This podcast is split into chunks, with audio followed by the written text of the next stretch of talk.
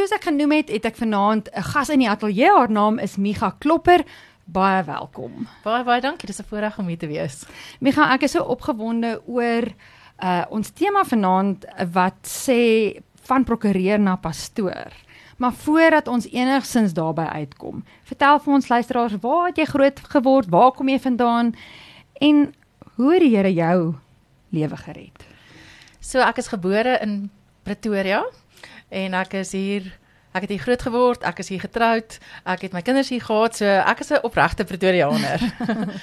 um my ouers het my in die kerk grootgemaak en ek onthou as 'n jong kind het ek um, baie keer met my maatjies voordat voordat ons enigiets moes doen, moes ons bid. En ons het baie lank gebid. Soveel so dat my maatjies op 'n punt gekom het wat hulle van gesê het, "Oké, okay, genoeg." so so ek ek onthou as kind het ek ehm um, het ek die hele liturgie gedoen van die kerk by die huis vir 'n uh, ehm um, denkbeeldige gemeente. Ek het klavier geleer as kind en ek het klavier gespeel en ek het die al die psalms en gesange begin sing en speel en Um as daar voeltjies was wat ons in die tuin opgetel het wat dood was, dan het ek hulle in die tuin gaan begrawe met die hele diens van die openingsgebed tot die slotsom en die seënwense. Wow. En um en ek dink ek dink toe my maatjies vir my sê, "Oké, okay, dis regtig nou genoeg." Toe dit dis daai droom bietjie begrawe of daai mm. ag, jy weet as kind het 'n mens Ja, uh, uh, jy jy besef nie dis nou 'n droom vir jou toekoms nie. Jy mm. jy begrawe dit. Ek het skool gehou as dogtertjie en so aan.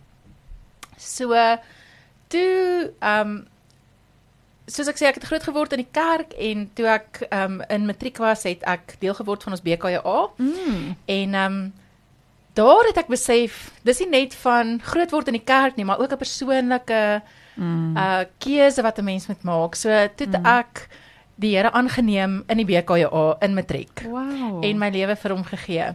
En dis ook waar ek my man ontmoet het in daai selfde BKA. Ons is 'n ons was 'n groot groep vriende gewees wat saam daar was. Uh ons was in sal ons sê 'n uh, rival skole gewees. Hy was in Office en ek was in Menlo Park. Oh. En uh en so het ons toe nou daar begin kuier. Ons het mekaar daar eintlik net maar in die in die groot vriendekring leer ken. En um ons het toe hy het my toe gevra om matriekafskeid toe te gaan mm -hmm. saam met hom en dis toe nou waar die hele ding met met my en hom ook begin het. Okay. So dis waar ek my lewe vir die Here gehad het en ek het ek het was baie ernstig oor die Here gewees. Mm. En op die ou end ja, gekies om ja. regte te gaan studeer. Ja, want ek wil nou vra hoe dit nou in die prentjie gepas met jou passie van kleins af en toe regte. Ja, die die passie van kleins af het net maar 'n bietjie begrawe. Hy was onder die mat ingewees mm. ordentlik. Mm. En ehm um, wanneer jy natuurlik kom in hoërskool dan moet jy nou begin beroepe kies en ja. so het ons eintlik wou ek gaan medies studeer het. Maar weens persoonlike gesondheidsredes het ons toe besluit dit gaan nie vir my werk nie.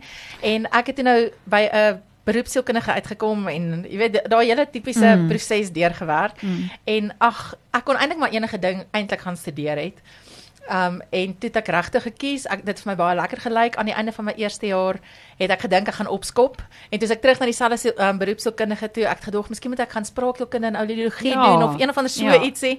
Um want my hart was maar wetenskap geweest want my altyd my ouers is wetenskaplikes. Ah, so die wow. regte was my baie vreemde konsep gewees. Um ek het my maale gesê, "Jesus, wetenskap is swart en wit. Mm. Regte is net glad nie so nie." dit is my gevoel asof dit baie grys is en ja. jy met nou maar mm. ja, uh maar ja, dit was my eerste jaar en toe dieselfde beroepsielkundige vir my gesê, "Moenie van een onsekerheid spring na 'n volgende nie." En dis hoe ek toe nou vasgebyt mm. het mm. en ek het my regsgrade klaar gemaak en my artikels gaan doen sure. en soos ek toe in die beroep in. En dit het hoeveel jaar gevat? Is dit 'n 5 jaar kursus? Hoe lank vat dit? Wel, toenertyd was dit 'n 5 jaar kursus ja. gewees. Deesdae is dit 'n 4 jaar. Um ek het nog 'n BLC LLB gedoen. So ja. LLB was na uurs en dan die BLC was die voorgraadse gedeelte. So ek het 5 jaar gedoen en ek was nog van die mense wat 2 jaar artikels gedoen het mm. uh, vir jou leerklerkskap. So, um ek het maar deur die proses gegaan. Jy weet dis hoe die lewe lewe mens eintlik deursleep. Ja. As jy eers begin met 'n ding en jy hou aan, dan is die een fase op die volgende op die volgende. Ja. En um ja, so toe ek in my beroep ingegaan en um aan die einde van my eerste jaar in die praktyk, ja. het ek toe my eie praktyk begin. Sjoe. Wow, okay, so daar was hierdie dryfveer en dryf want ek meen uh dit is jou geaardheid ook. Jy het passie en jy het vuur en jy het dryfkrag en jy gaan en toe jy nou jou praktyk begin, ehm um, was dit vir jou lekker?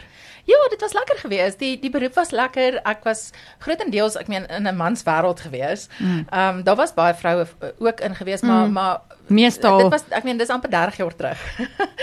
so dit was maar baie meer 'n mans wêreld mm. en ek het dit baie geniet. Die die die werk was vir my lekker. Dit was interessant.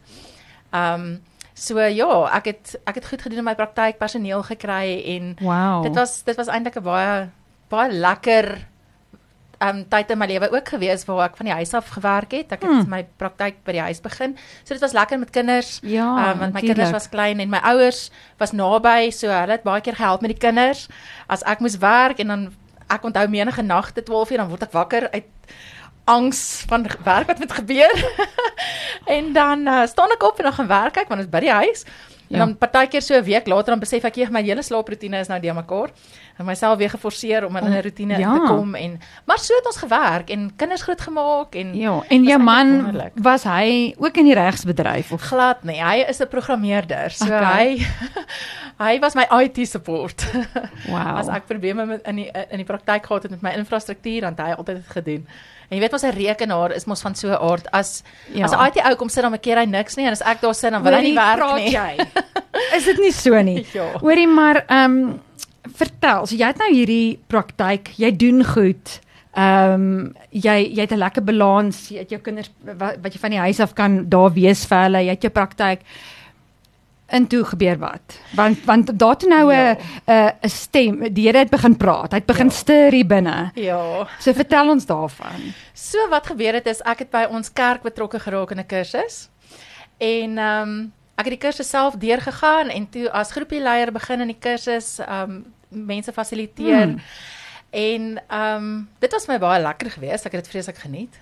En uh, ons hoofpastoor het eendag vir my gesê, "Nee, maar hoekom gee jy nie een van die praatjies nie?" Hmm. En ek het hom so gekyk gedink as jy lekker laf.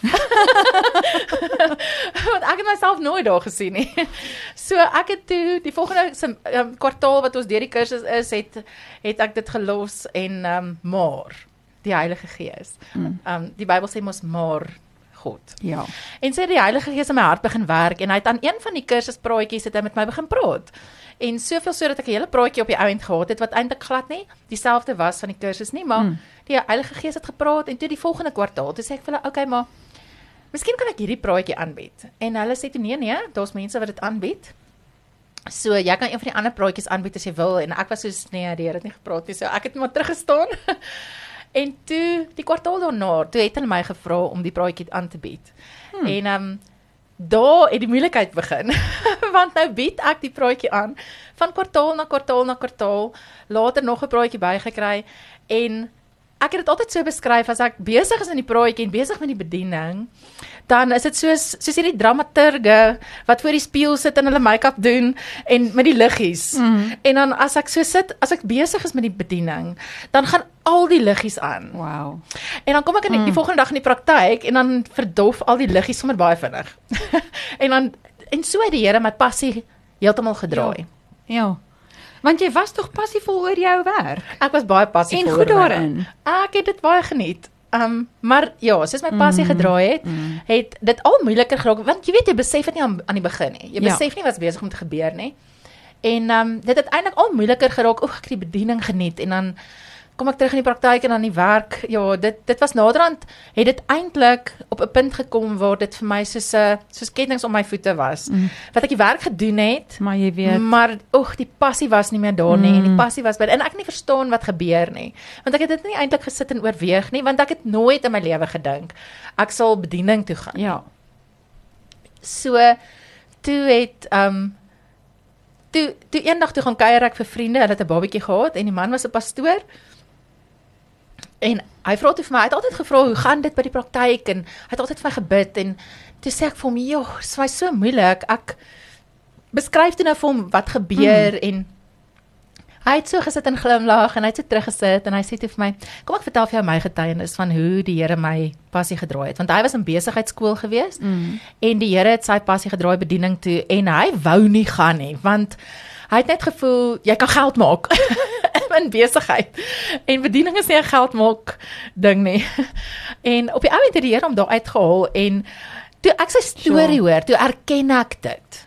En ek erken Ja. toe wat besig was Ja, om te want toe gebeur. hy vertel, toe kon jy daarmee identifiseer want dit was wat in jou lewe gebeur het. Ja. En ek het teruggegaan huis toe en ek het vir my man gesê, ek dink die Here roep my in bediening in. So ons het natuurlik met groot versigtigheid om dit getrap. Want ehm um, ja, dis nie eenvoudig as jy nou al 'n praktyk opgebou het en ek dra finansiëel by tot die huis. Dit was dit was maar 'n Mhm. 'n 'n moeilike idee geweest. Want die punt is daai budget van julle gaan nou eensklaps minder word presies. Ja. en jy weet nie in die bediening gaan daar, ek meen, gaan jy finansiëel Geleenthede hê. Yes. Ja, ja presies. So, toe daai Sondag, Ja. dit was die Saterdag wat ek by hulle was. Die Sondagoggend in die kerk, toe sê die pastoor nee, ons moet vir mekaar bid en ek en 'n man wat mekaar glad nie ken nie, Mhm. het naby mekaar gesit, hy het voor my gesit, hy het omgedraai vir my begin bid en Yes. vir my so gekyk en vir my gesê, hy voel die Here sê dat die Here besig is met 'n ding en bel hierdie persoon, bid bietjie saam met hierdie persoon. En ehm, Okay. En ek was soos, okay. en ek bel die persoon en ek bid toe saam met die persoon en ehm um, die sê toe vir my die Here roep jou ehm um, in bediening in. En ek meen hulle het glad nie geweet nie. Ek het niks gesê nie. Ja. En en ek moet gaan bid daaroor en hy het uit die Here spesifiek gevra, Here gaan gaan hierdie koek wat gebak word, gaan dit klaar gebak word. Gaan dit deur gaan Mm. nie net 'n tydelike ding wees nie. En die Here het regtig net kom bevestig en die volgende Sondag toe toe die man my weer sien in die kerk. Ek meen ons ken mekaar glad nie. ons het nie gepraat in die week nie. Ek het nie sy nommer gehad nie niks nie. Hy kom na my aangestap en hy sê vir my, "Weet jy wat? Ek ervaar regtig die Here roep jou in bediening in." so toe is dit dis daar nie 'n manier van uitkom uit dat ek dat ek weet dat ek weet dat die Here praat. En en ek wil net sê en hoe spesiaal is dit? Want baie keer ek meen voel jy hier kan ek 'n vliesie uitsit of 'n Ja. teken Ja. en hierdie Here net gekom en vir jou keer op keer op keer kom, Kom bevestig. Ja, ek het ek het regtig in my wandel met die Here al gesien dat as ek hard indruk en ek bid en ek soek die Here en ek gooi die vliesie, mm. dan gebeur daar niks. As die Here wil praat, dan praat hy. En as hy jou pad wil rig, daar's 'n teks in die Bybel wat sê die ehm um, die mens bepaal sy pad, maar God bepaal hoe hy loop. So jy jy kan beplan en jy kan wil dinge gedoen hê en jy kan amper by die Here kom smeek. Ek ek wil eintlik, jy weet, eintlik Mm, wil ek mm, hierdie hê. mm. Baie keer is ons vliesie ietsie wat ons regtig wil hê. Maar dan is dit nie noodwendig wat die Here wil doen nie. En in dieselfde asem as die Here jou pad bepaal, dan gaan hy baie duidelik met jou praat. Joeg, weet jy, ek is ek is so bly jy sê dit want soms joeg mens mense is onseker, jy weet, as ek na jou luister en ek dink aan waar ek in my lewe is, nou dink jy, ehm um, okay, is hierdie nou 'n teken of is daai maar soos wat jy sê as die Here wil praat, gaan hy praat. Hy gaan duidelik praat. En en ek dink dat dit gee vir my vrede om te besef dat maak nie saak waar ek is nie. Mm. Dis waar die Here my het. Mm. Tensy die Here gepraat het en ek ongehoorsaam is. Ja. Maar as ek die Here navolg en ek soek Absolutely. hom Ja. en ek vertrou hom Ja. en hy praat en ek en ek reageer, ja. dan ehm um, dan is ek altyd op die regte plek. So ek het ek het onthou in daai tyd was ek in die kombuis gewees en ek het gestaan en kook soos 'n mamma nou maar doen. En ek het van die van die ehm um, stoof af omgedraai wasbak toe.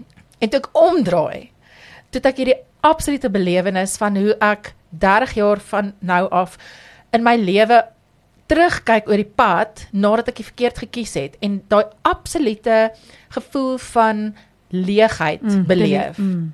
En ek dink die Here wou net vir my sê, weet jy wat, jy is op 'n moeilike keuse.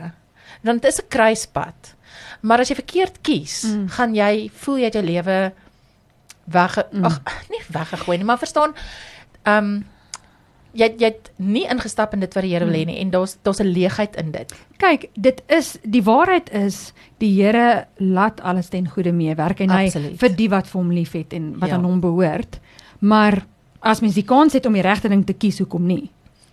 Daar's meer vrede en vreugde in Ja. die regte keuse Ja. as om dan te sê dis te moeilik om te kies, ek bly waar ek is. En mense het later spyt Mm. oor dit. Jy weet ehm um, wat ek net daarbey wil byvoeg is baie keer is mense so vas in 'n comfort zone want ja. al al is jou kom ons sê jou frustrasie in jou ehm um, praktyk en jy kom daarin dit voel soos wat jou voete wat jy sleep dit is nog steeds 'n comfort zone. Dis 'n heerlike comfort zone. Want dit is iets wat jy ken, daar's 'n groot salaris betrokke. Uh en ja. om om uit te tree uit daai comfort zone uit. Dit dit is nie maklik nie, maar is moontlik. Ja. Nou hoe die Here my gehelp het met dit is ja. um ek ek het toe ingeskryf of ek ek het geweet ek wil inskryf Bybelskool toe ja. want dit is dan die volgende stap ja. in die proses. En um ek het oh, ek het probeer my praktyk verkoop en ek en ek gesukkel daarmee hmm. en so en toe eendag toe bel hulle my van die Bible College af want ek het die forums toe nou al vir almal gestuur want jy met ehm um, getuienisvorms oor jou lewe kry by oh. ander mense en aan jou inskrywingsvorm en jou inskrywingsgeld. Wow. En so hulle het reeds al my getuienisvorms ontvang, maar hulle het nog nie my aansoekvorm met my inskrywingsgeld ontvang nie. en hulle hulle bel my en hulle sê, "Hoor jy, hulle het al al hierdie vorms. Maar waar is jou inskrywingsvorm?" En ek sê, "O, oh, ja, weet jy wat? Ehm, um, want sommer dit gaan nie check." en dan sê "Here." En ek het daai foon skaars neergesit. Toe bel 'n vriendin my en ek vertel vir haar van die oproep en sy sê vir my, "Miga, jy geloof is nie groter as jou gehoorsaamheid nie."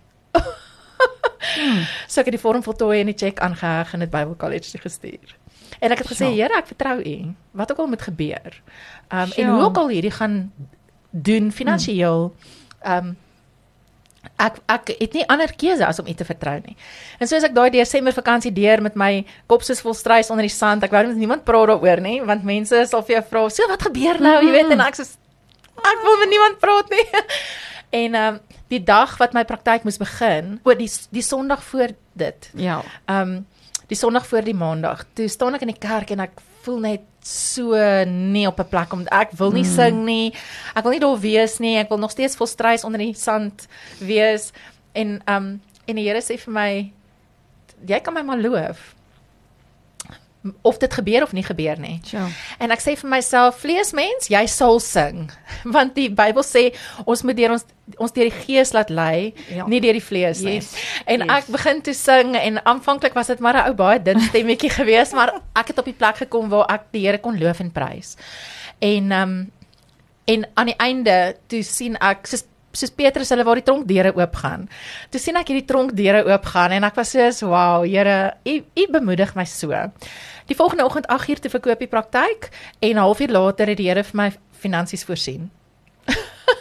ja. So, ons gehoorsaamheid hmm. is die sleutel tot waar die Here die volgende en die volgende stap oopmaak vir 'n hmm. mens. Jo, dit dit is 'n baie waar ding wat jy gesê het nou van jou vriendin wat sê jou ehm um, geloof is nie groter as jou gehoorsaamheid nie, dan twee gaan saam. Want ja. want ek kan nou sê ek vertrou die Here, maar dit is daai geloof met werke. Ek bedoel ja. weet soos Jakobus vir ons vertel. Presies, presies. So, so jy kan nou sê Here, ek vertrou jy, vertrou jy, maar daar gaan 'n jy moet vorentoe gaan. Presies, ja. Ja, jy moet daai stappe neem waar jy nie kan sien nie en dan mm. en dan weet jy die Here gaan daar wees vir jou. Ja. En en in hierdie tyd wat jy nou hierdie worsteling het en wat jy moet doen, die Here kom bevestig. Ehm um, wat het jou man gesê? Was hy jou silent partner daar gewees of Absoluut. Ja. ja. En ja, hy was geweldig ondersteunend wow. geweest. Die kinders ook, want ja. ons het saam met die kinders gaan sit en gesê, weet hulle was nog in die laerskool. En ons het saam met hulle gaan sit en gesê, "Oké, okay, onthou nou, as mamma nou Bybelskool toe gaan en ons as gesin besluit dat dit die stap vorentoe is, ja. dan beteken dit jy gaan nie sakgeldjies kry nie. En daar's sekere goedjies wat net nie kan gebeur mm. finansiëel in die gesin nie. En almal van hulle, die die kinders, my man, almal het gesê hulle is reg hiervoor. Mm. Hulle hulle ondersteun dit. Hulle wil saam met die Here hierdie pad loop. Wow. So dit was regtig 'n uh, ontsettende voorreg geweest. Nou goed, so jy het toe nou die praktyk verkoop en die geld is voorsien. En toe, wat gebeur want jy het jou vorms ingegee, geld betaal en toe is dit Bybelskool. Dis dit Bybelskool ja. Wat interessant was, um ek het nie geweet jy moet 'n onderhoud gaan doen vir die Bybelskool nie. Oh. Ek het gedog jy sit jou in inskrywings in, jy betaal die geld en dan oh, gaan jy. jy. Soos by universiteit, oh. verstaan if you pay you get. maar dit was nie so met die Bybelskool nie. Dit was gaan vir 'n onderhoud. En um ek het 'n droom gehad waar ek presies daai onderhoud gedroom het. So toe ek kom vir die onderhoud. toe toe begin ek lag. Ek het daar gesit en ek was net so wow, Here, U het regtig so kom wys. So ja, so het ek 'n jaar die die Bybelskool gedoen en ehm um, die volgende jaar het ek deel geraak aan die aan die deeltydse Bybelskool wat ek um klas aangebied het mm -hmm. by die deeltydse Bybelskool en ek het um mettertyd van jare by die voltydse Bybelskool ook begin klas gee.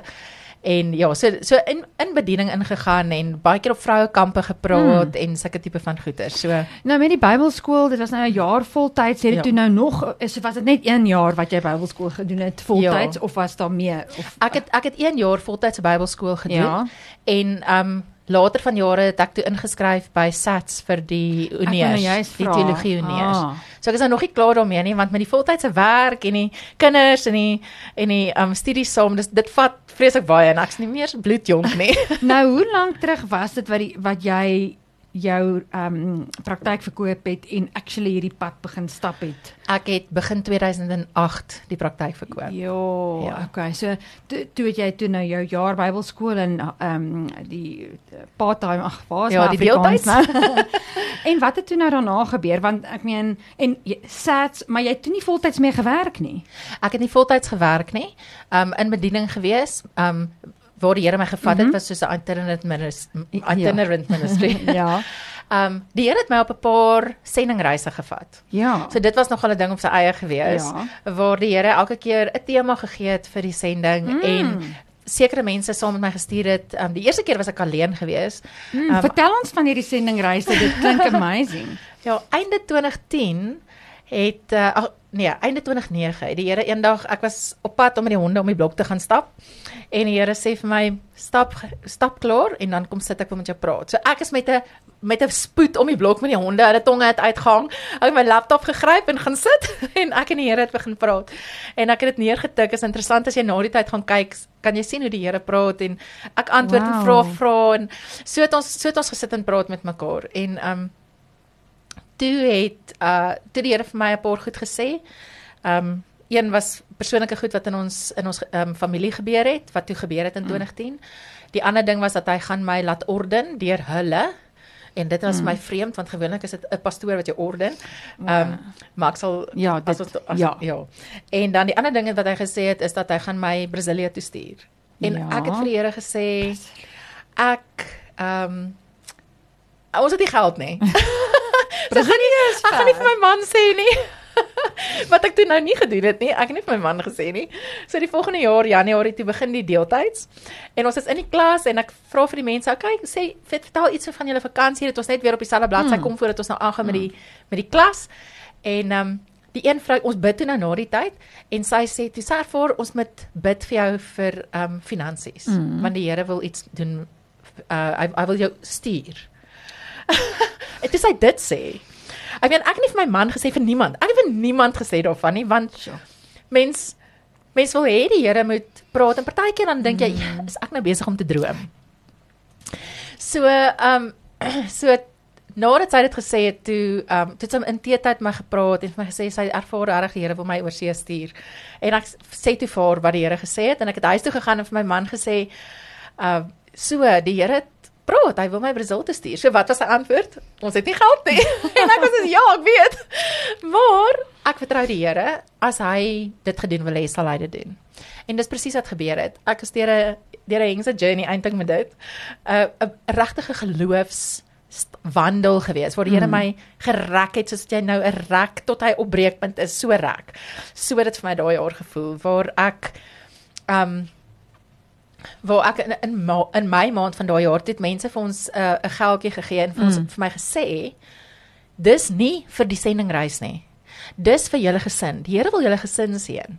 En dit wow. was my 'n vreeslike stryd geweest want ek want, het gevoel ek kan hierdie geld vir die vliegtuigkaartjie gebruik.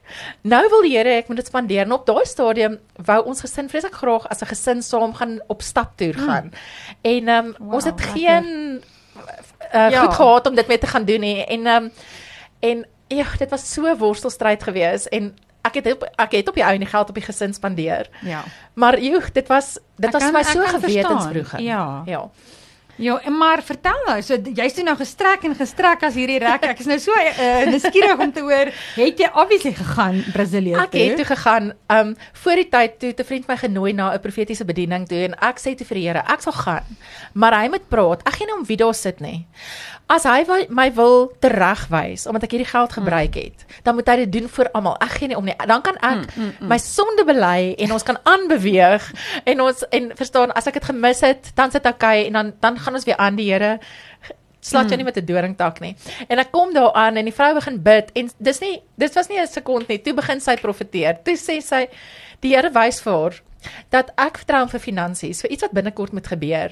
En die Here sê, al dink jy jy's op die verkeerde plek, hy is meer as mans genoeg om te doen wat hy gesê het hy gaan doen. En ek het daar uitgestap. Ek sê vir my Ja. vriend, "Joh, sy het my nie sy het my nie tereggewys nie." Hy kyk my so, "Waarvan praat jy?"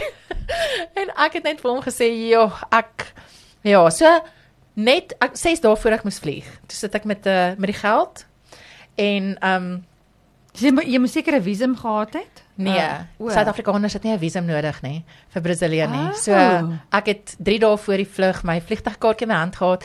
Brazil toe gevlieg alleen, Dis wat ek nou wou vra alleen of met 'n span? net ek. Okay, so jy het Brasilië toe gegaan, maar met wie gekonnekt daar? Okay, so 'n vriend van ons Ja. is 'n pastoor wat daar was Ja. en hy het toe gesê ek kan saam met hom gaan. Ag, En op die ou end, die woord wat ek toe vir die kerk gebring het, Mm. is waarvoor hulle al die hele jaar gebid het.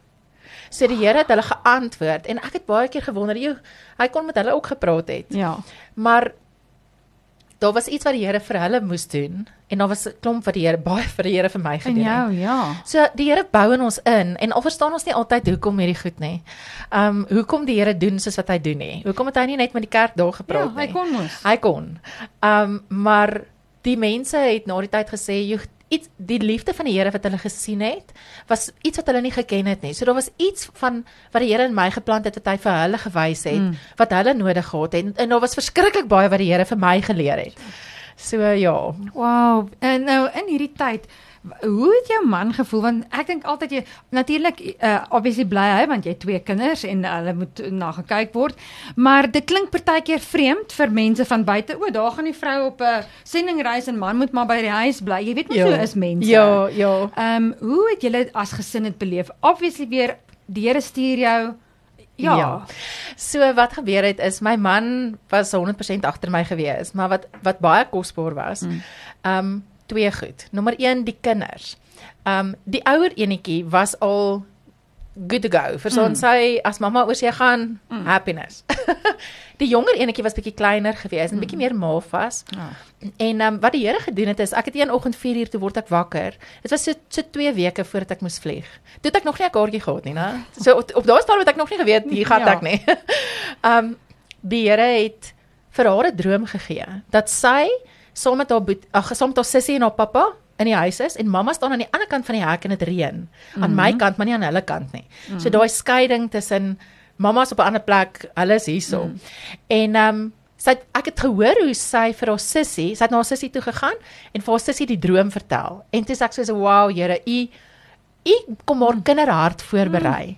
So toe kon ek die oggend met haar praat van as mamma gaan, pappa's hierso en Inge is hierso en jy weet Jy gaan okay Jy wees. gaan okay wees. So dit was vir my ongelooflik en Eendag was was ek saam met uh, my kinders in in 'n restaurantjie gewees en um, dis nou 'n hele getuienis eintlik saam met die kerk ook maar die my medepastoor was 'n was 'n ehm um, kelner daar gewees en ons het my man was toe nou nie daar nie en ons het aan 'n ta- tafel gesit en toe ons inkom in die restaurant toe sien ek 'n ouer man aan heeltemal aan die ander kant van die Mm. restaurant En ek het hom amper genooi om saam met ons te kom sit en toe dog ek, "Miga, nee man. Hy gaan mos nou dink jy's heeltemal simpel, hierdie getroude vrou." um en ek los dit toe. Maar ek het kennis geneem van hom. Mm. En um dit was my sleg dat hy alleen gesit en eet Ja. het, verstaan? En ek en die kinders het toe geëet en toe ek vra vir die rekening. Toe uh toe sê die kelner nee, het jy daai man aan die ander kant gesien van die restaurant? En ek sê toe ja. En hy sê toe vir my, "Hy het jou rekening betaal." En ek hoor die Here sê vir my, "Ek kom uit 'n hoek wat jy nie kan sien nie." So dit was 2 weke voor dit. Ja. En my man, hier nader aan die tyd, sê ek vir my man, "Joh, ek weet die Here praat." En die Here het met Anja gepraat en verstaan, die Here het regtig ons hele gesin voorberei. Maar ehm um, ek het nie die kaartjie nie. en my man sê toe vir my man, Hoe erg is dit nou? As jy nie as jy nie die kaartjie het nie, Mm. dan gaan ons lughawe toe en dan kyk ons wat doen die Here. En ek sê vir hom as as daar niks gebeur nie, toe sê hy dan kom ons huis toe. Toe sê hy dis so maklik. Wow. Ons ons het niks om te verloor nie. so daai ongelooflike ondersteuning en ongelooflike vertroue dat weet jy wat ons vertrou die Here. Dit was vir my kosbaar geweest.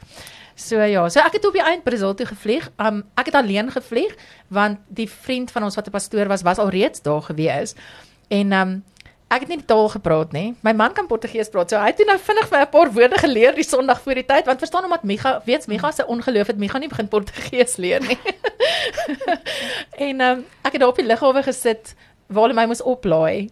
En ek het daar gesit en dink, die die ek het gevoel hoe die paniek oor my kom. Want my kaartjie was die goedkoopste kaartjie. Jy kan dit nie skuif nie. En as hulle my vergeet, ek kan hulle nie bel nie. Ek het nie 'n sent op my naam nie. Jy weet nie wat om te sê nie. Ek kan nie met daai mense kommunikeer nie. En ek hoor die Here sê vir my ontspan, hulle is op pad. So ek het my Bybel oopgemaak en begin voorberei vir Openbaring en ehm um, dit was nie 5 minute later nie, toe sit hulle toe sit hy langs my. Toe toe het hulle my op hierdie reis gevat en ja, Ja. dit was eintlik fantasties. Micha, ja, wat 'n inspirasie. Ehm um, dit dit stuur net weer iets in my eie hart ook om te sê, maar hoe opwindend is dit om die Here te vertrou? Ons kan hom vertrou. Hy is Ja. hy is betroubaar en ehm um, ons tyd vir gesels het nou al uitgehardloop vanaand, maar ek wil graag vra dat jy of as jy 'n boodskap het vir ons luisteraars vanaand van bemoediging of iets wat in jou hart is, wil jy dit nie net met ons deel in 2 minute nie. Ja, ek dink ek dink van my kant af, ehm um, dit is baie keer kom die Here met regtig uitdagings in 'n mens se lewe. Hmm. En ek dink dat dat dit regtig waardevol is vir 'n mens self en die, in jou wandel met die Here om partykeer jou kop neer te sit en te sê Here, ek kies om U te vertrou want dit is nie iets wat in ons vlees mens hmm. maklik kom nie. Maar as ek as ek kies om die Here te vertrou en 'n aktiewe ehm um, jy weet besluit neem mm. en sê Here, ek ek is in U hande. Ek is nie in die duiwel se hande nie. Ek is nie in mense se hande nie. Ek is in die Here se hande want ek's 'n Christen, ek's sy kind. Um en te sê Here al al, al hoor ek nie en en nie want partykeer hoor ons nie die Here nie. Partykeer is hy stil. En dan voel dit vir ons asof ons op ons eie is. Die Here is altyd daar. Hy's altyd met ons en hy rig ons pad. En selfs al al voel ons selfs al het ons nie hierdie belewennisse nie. Ek dink aan Daniël. Ek meen dit wat ons lees in die Bybel van Daniël was hierdie hoogtepunt in sy lewe gewees waar die Here gepraat het. En die res van die tyd, ek meen hy was omtrent vir 80 jaar in die diens van die paleis gewees. Die res van die tyd het hy sy werk gedoen, hy het die Here vertrou, hy het die Here aanbid. En om net in 'n rotine te kom van aanbidding en die Here te vertrou en te sê Here, hier's ek, my lewe vir U. En die Here te vertrou dat jy is op die plek waar jy moet wees. Hy sal jou beskerm en hy hy gebruik jou daar. Mm. Micha, baie baie dankie, maar gelukkig is vanaand nou nie die laaste sien van jou nie. Uh ons gaan volgende week verder gesels want ons nog baie wat jy het om met ons te kan deel. So sien uit na volgende week, maar dankie vir vanaand. Ons waardeer dit. Baie dankie. Dit was wonderlik om hier te wees.